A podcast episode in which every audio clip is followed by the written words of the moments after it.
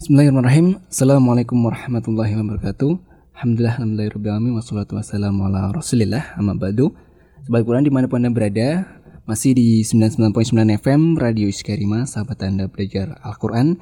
Dan tentunya pada kesempatan hari ini kita kembali lagi bersama saya Andi Ramadan dalam acara Makon majelis tanya jawab dan konsultasi seputar hukum-hukum keislaman tentunya bersama Syekh Abdul Qadir Abdul Muiz yang alhamdulillah pada kesempatan hari ini sudah hadir di studio menemani kita untuk pembahasan pada kesempatan hari ini. Baik, kita sapa terlebih dahulu ada mutajim kita yang sudah hadir juga uh, yaitu Ustadz Nurul Hidayat. Assalamualaikum.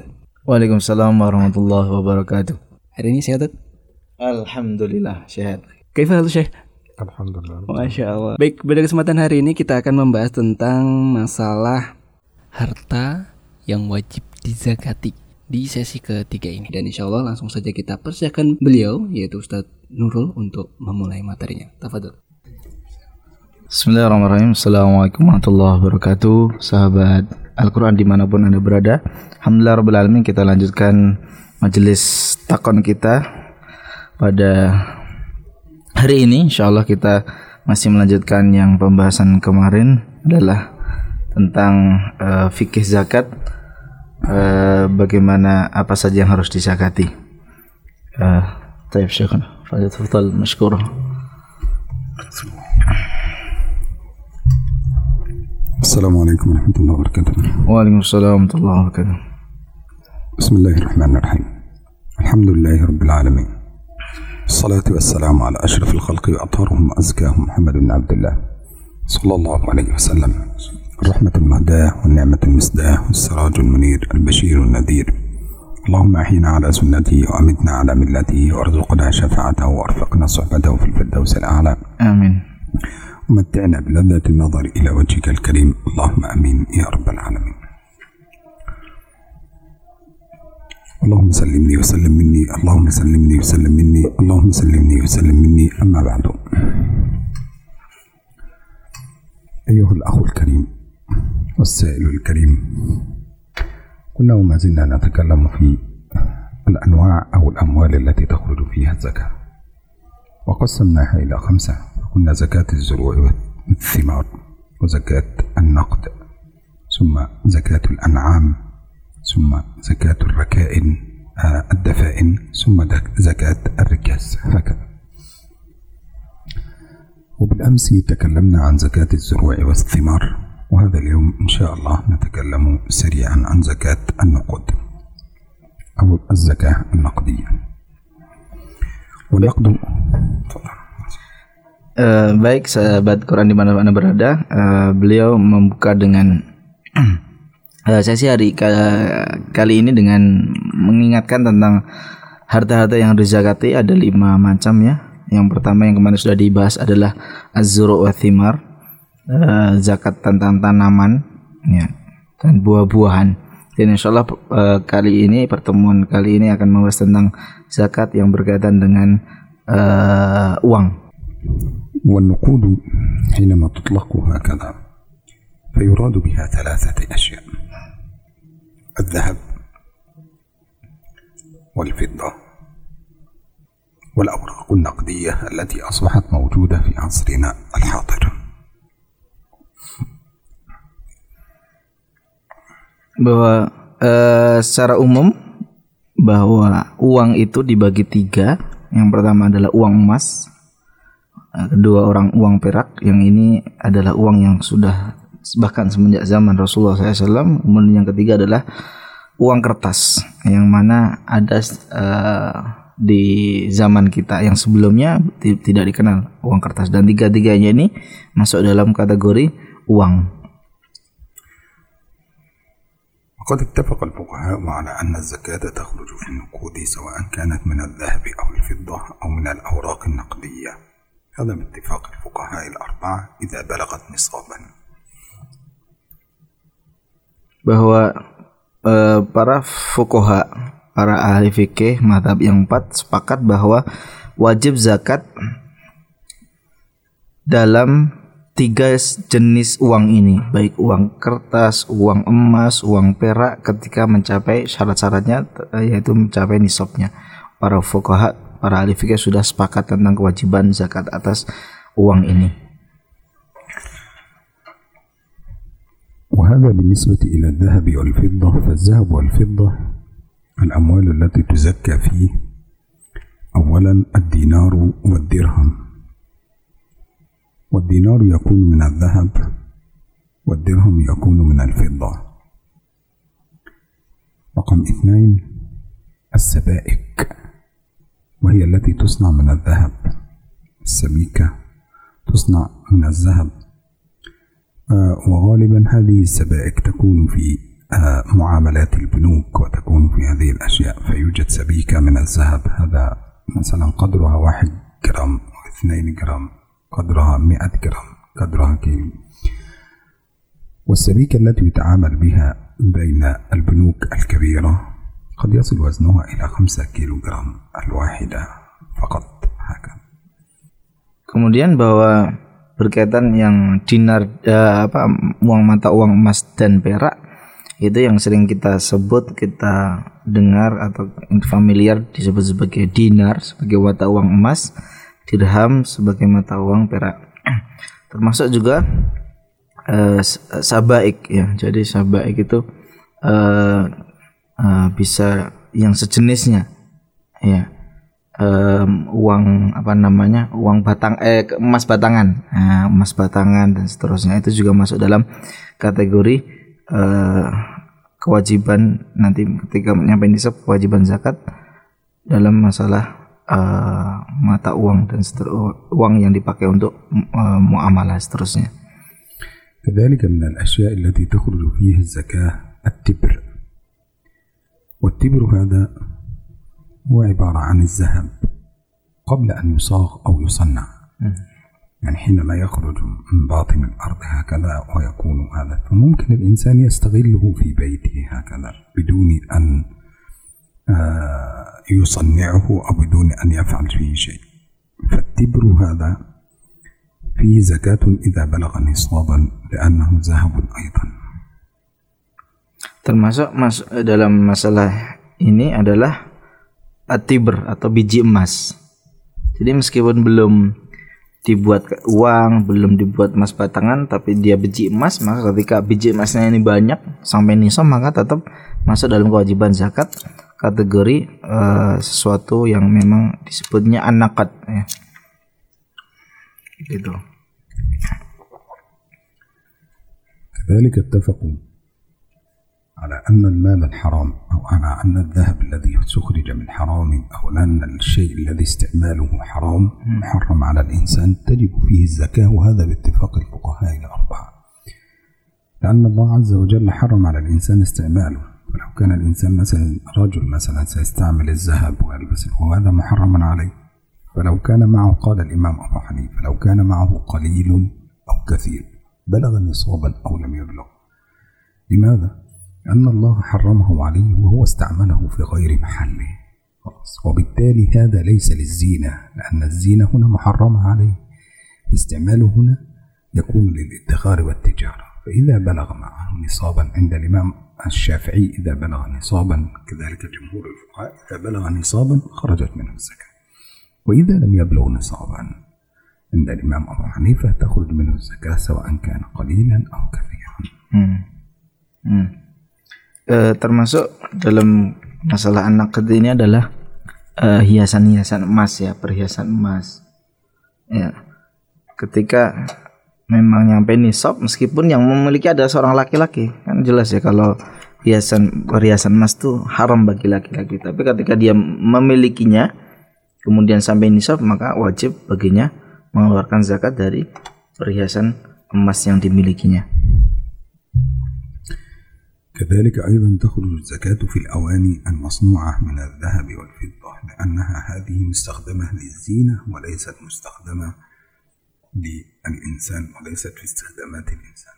إذا كان الإنسان آه، عنده أواني مصنوعة في بيته من الذهب أو الفضة فقد وجبت فيها الزكاة باتفاق الفقهاء الأربعة.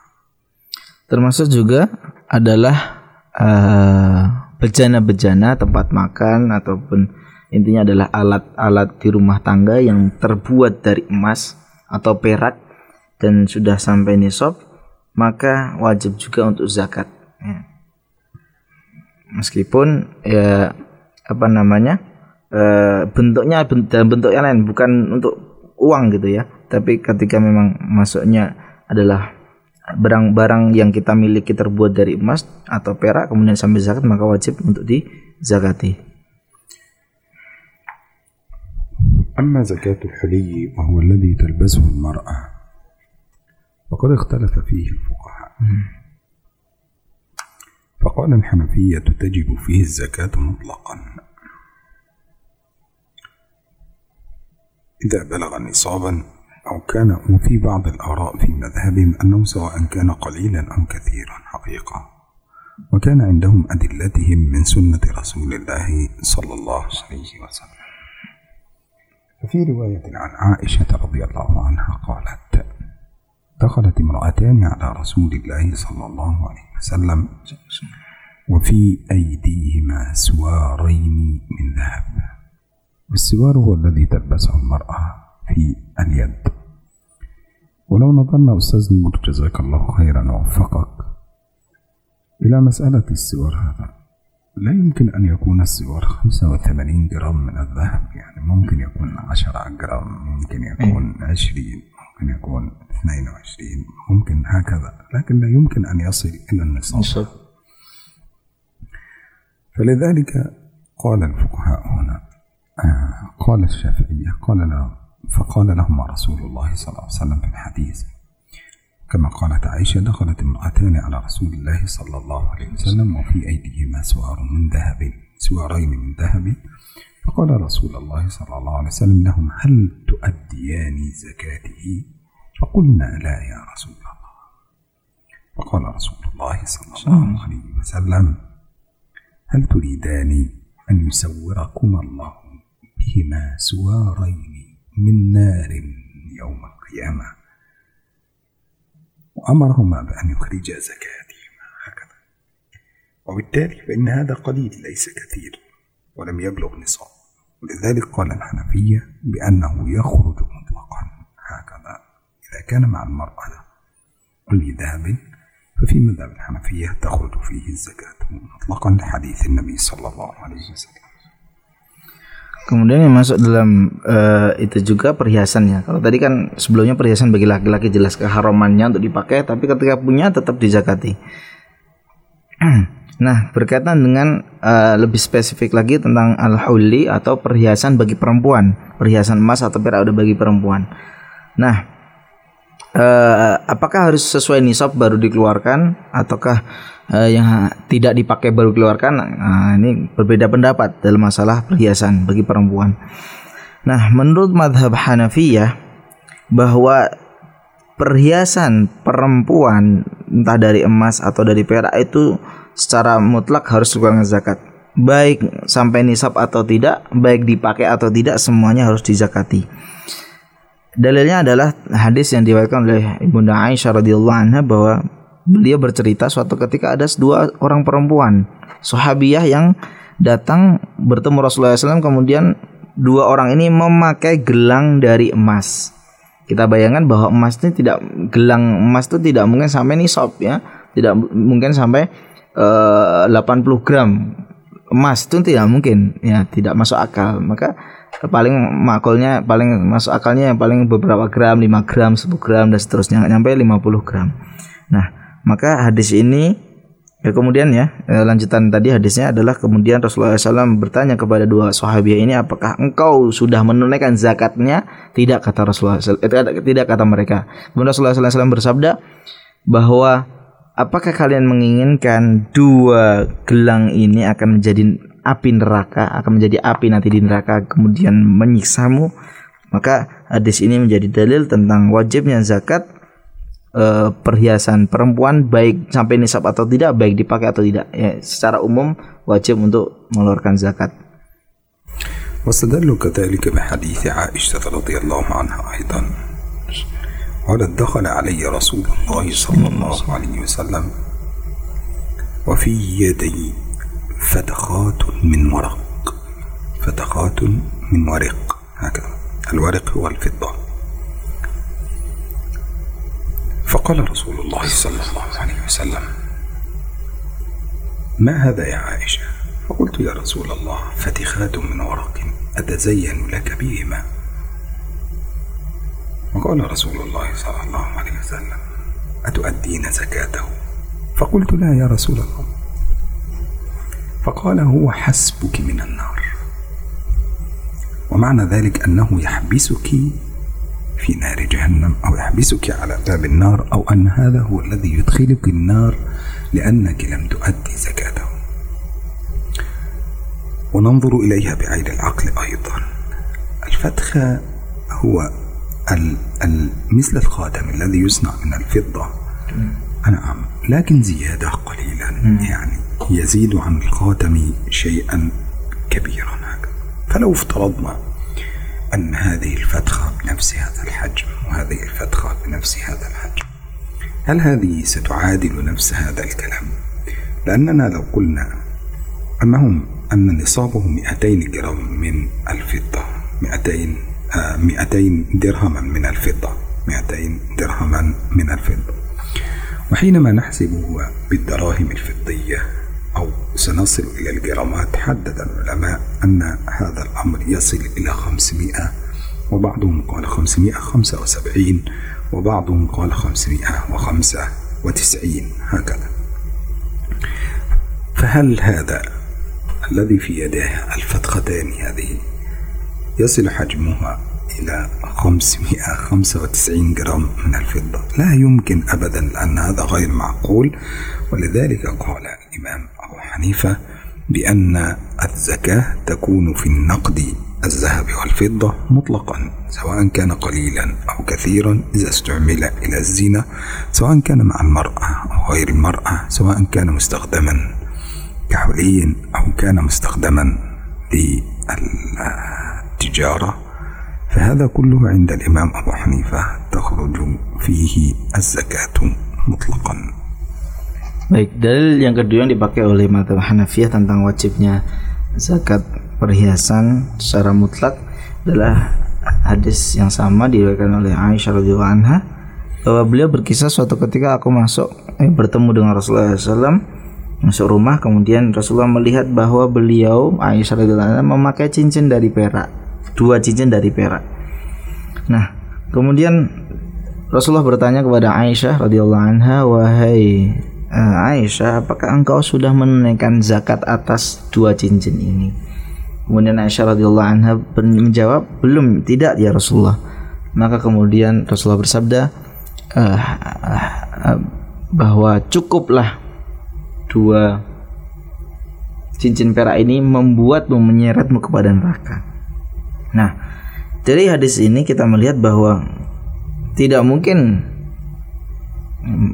bahwa uh, kita tahu kita, sebagai informasi awal nisab batasan gram untuk wajibnya perak adalah sekitar 200 dirham atau kalau digramkan sekitar 500 gram. Ada yang mengatakan 500 lebih ya kemudian yang sampai 595 gram perak ya itu tidak mungkin cincin beliau Aisyah radhiyallahu anha itu sampai seberat itu maka dalil ini menjadi dalil bagi madhab Hanafiyah untuk mewajibkan zakat mereka berpendapat wajibnya zakat kepada semua bentuk perhiasan perempuan ya baik sampai nisab atau tidak ya semuanya wajib untuk dizakati يرحمكم الله كذلك استدلوا بقول الله سبحانه وتعالى والذين يكنزون الذهب والفضة ولا ينفقونها في سبيل الله فبشرهم بعذاب أليم. فقالوا هنا أن الآية عامة. لم تخصص ذهبا عن ذهب ولم تخصص شيئا عن شيء. فلو كان هناك تخصيص يعني هذه الآية عامة لا يوجد ما يقيدها. هكذا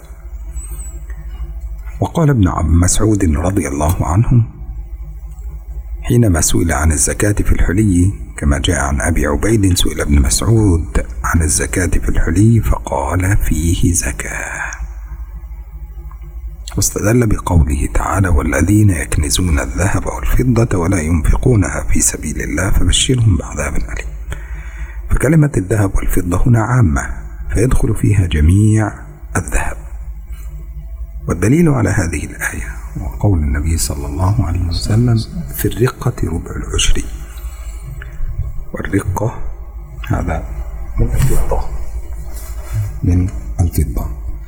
وقال ليس فيما دون خمس أواق ليس فيما دون خمس أواق زكاة. هكذا. الأوقية من الذهب والرقة من الفضة. وبالتالي حينما ننظر إلى هذا الرأي فنجد أن معه أدلة من القرآن الذين يكنزون الذهب والفضة كذلك الدليلين من حديث عائشة رضي الله عنها وكان هذا دليل أبو حنيفة في هذه المسألة. أما الجمهور فقالوا بعدم وجوب الزكاة في الحلي لكن اختلفوا فيما بينهم. فمنهم من قال بعدم الوجوب مطلقا ومنهم من قال بعدم الوجوب إذا كان قليلا. أما إذا كثر وزاد عن الحاجة وكان فيه إسراف وتبذير فتجب فيه الزكاة. فأما الذي قال لا تجب فيه مطلقا فكان الإمام مالك. وأما الذي قال تجب فيه الزكاة إذا كان زيادة وفيه إسراف ومخيلة فهذا هو الإمام الشافعي والإمام أحمد رضي الله عنهما Nah, berkaitan dengan masih dalil yang dipakai oleh uh, madhab Hanafiyah tentang wajibnya zakat dalam perhiasan emas atau perak secara mutlak adalah ayat Allah Subhanahu wa taala dalam surat Taubah ayat ke-34 ya. Allah berfirman di situ walladzina kanizuna dzahaba wal fiddata wa la yunfiquna fi fi sabilillah fabashshirhum bi'adzabin alim. E, siapa saja yang menyimpan menumpuk-numpuk emas dan perak kemudian tidak diinfakkan di jalan Allah Subhanahu wa taala maka berikan kabar kabar kepadanya tentang adab Allah yang sangat pedih.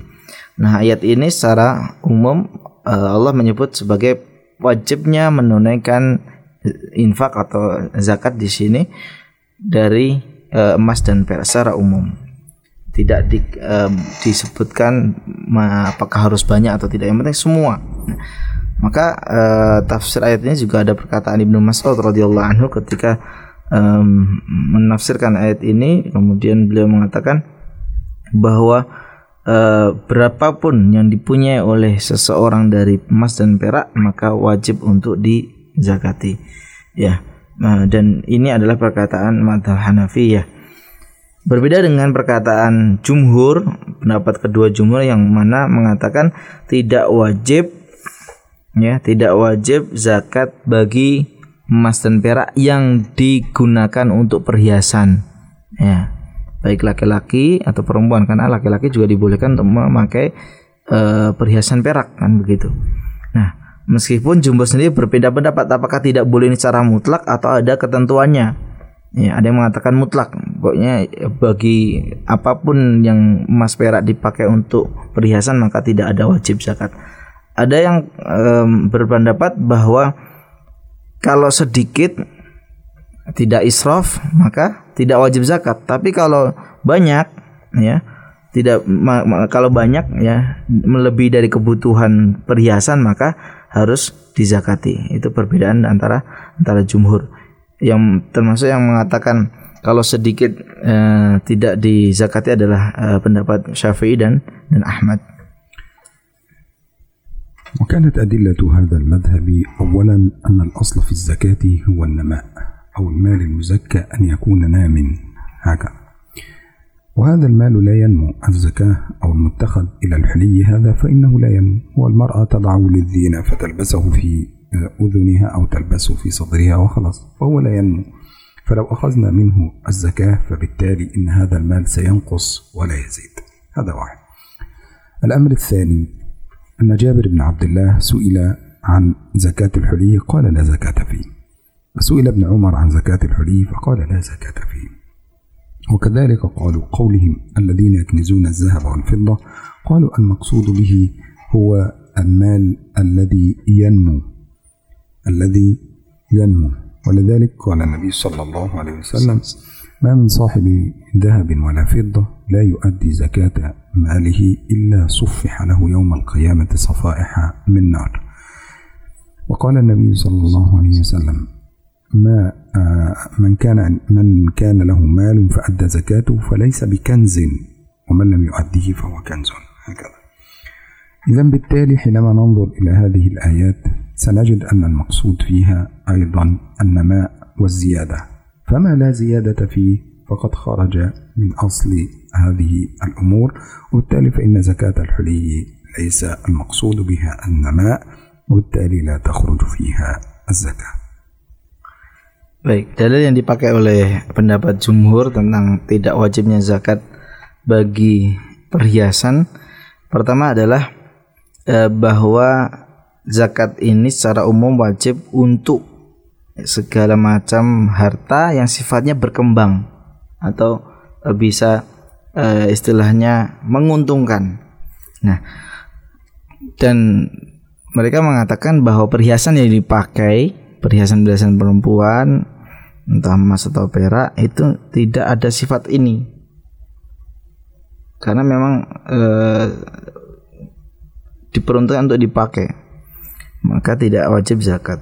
Terus kemudian juga tentang eh, beberapa perkataan sahabat di antaranya Jabir bin Abdullah ketika ditanya apakah dalam perhiasan perempuan itu ada zakat beliau mengatakan tidak. Termasuk Ibnu Umar radhiyallahu anhu juga mengatakan seperti demikian Nah, bagaimana kemudian mereka menafsirkan ayat tentang tadi atau bah 34 bahwa mereka menafsirkan jumlah ini menafsirkan bahwa di situ khusus untuk benda dahab dan fiddah emas perak yang sifatnya berkembang. Artinya untuk uh, apa namanya? Uh, istilahnya sudah sampai nisab ya. Kemudian uh, bukan yang dipakai gitu ya memang diperjualbelikan orang jual beli emas perak. Bukan emas perak yang memang niatnya untuk dipakai. Ya termasuk ada uh, riwayat yang mengatakan bahwa disebut kanzun itu ketika memang dia uh, diperjualbelikan. Ada sifat kalau memang uh, apa namanya tidak tidak uh, dia masuknya adalah untuk dipakai maka dia bukan disebut sebagai kanzun artinya tidak masuk dalam ayat tadi وذلك استدلوا أن أسماء بنت أبي بكر كان عندها بنات فكانت تحليهن بالذهب وتكثر من الحلي حتى أنهم قالوا كان يبلغ أكثر من ألف دينار. هكذا.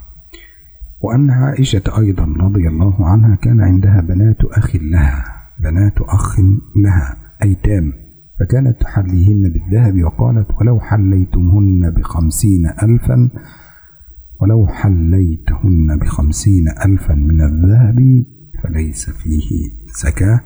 وهذا ما كان عليه الصحابة وبالتالي أصبح اتفاق من الصحابة على هذا الأمر ولم يخالف في هذا الأمر إلا ابن مسعود. ورجح كثير من العلماء رأي جمهور العلماء في هذه المسألة لأن فعل الصحابة أكثرهم يخالف الآيات التي نزلت.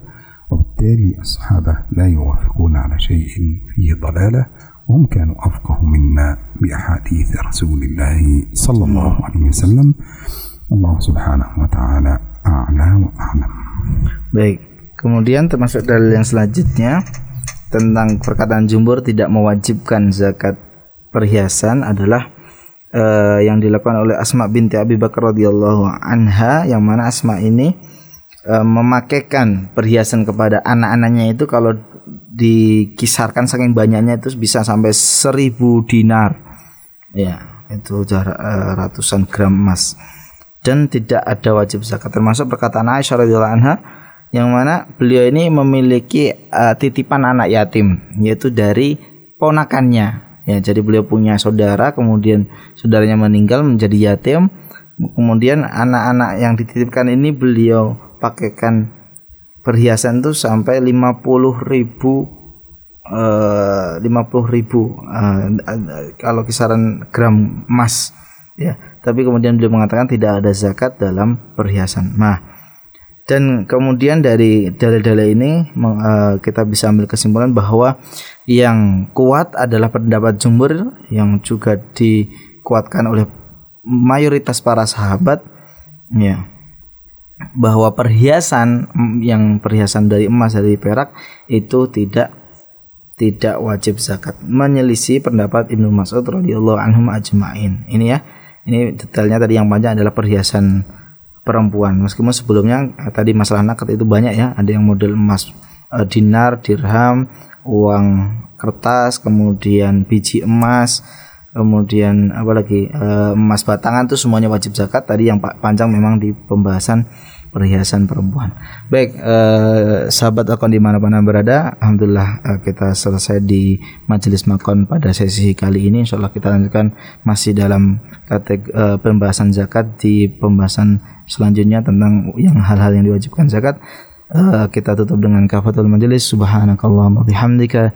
Asyhadu an la ilaha illa anta astaghfiruka wa atubu ilaik. Wal afu minkum. Wassalamualaikum warahmatullahi wabarakatuh. Baik sahabat Quran semuanya, jazakumullah khair untuk Ustadz Nurul sebagai mutarjim dan narasumber kita Syekh Abdul Qadir Abdul Muiz yang pada kesempatan hari ini masih membahas tentang masalah harta yang wajib dizakati dan insya Allah akan kita lanjutkan di sesi berikutnya. Dan tentunya bagi sahabat Quran semuanya bagi yang ingin bertanya masalah seputar hukum-hukum keislaman, silakan saja Anda bisa mengirimkannya melalui SMS maupun WhatsApp-nya di nomor 081229888614 dan insya Allah nanti kita akan bahas bersama Syekh Abdul Qadir dan juga pemutarjim yang tentunya hanya di 99.9 FM Radio Iskarima, sahabat Anda belajar Al-Quran. Akhirnya saya Andi Ramadan pamit undur diri dari Rongga Sabakwan semuanya dan juga mewakili segenap kru yang bertugas. Mohon maaf atas segala khilaf. Jangan lupa ikuti terus pembahasannya setiap hari Ahad, Senin, dan Selasa jam 8 malam hanya di 99.9 FM.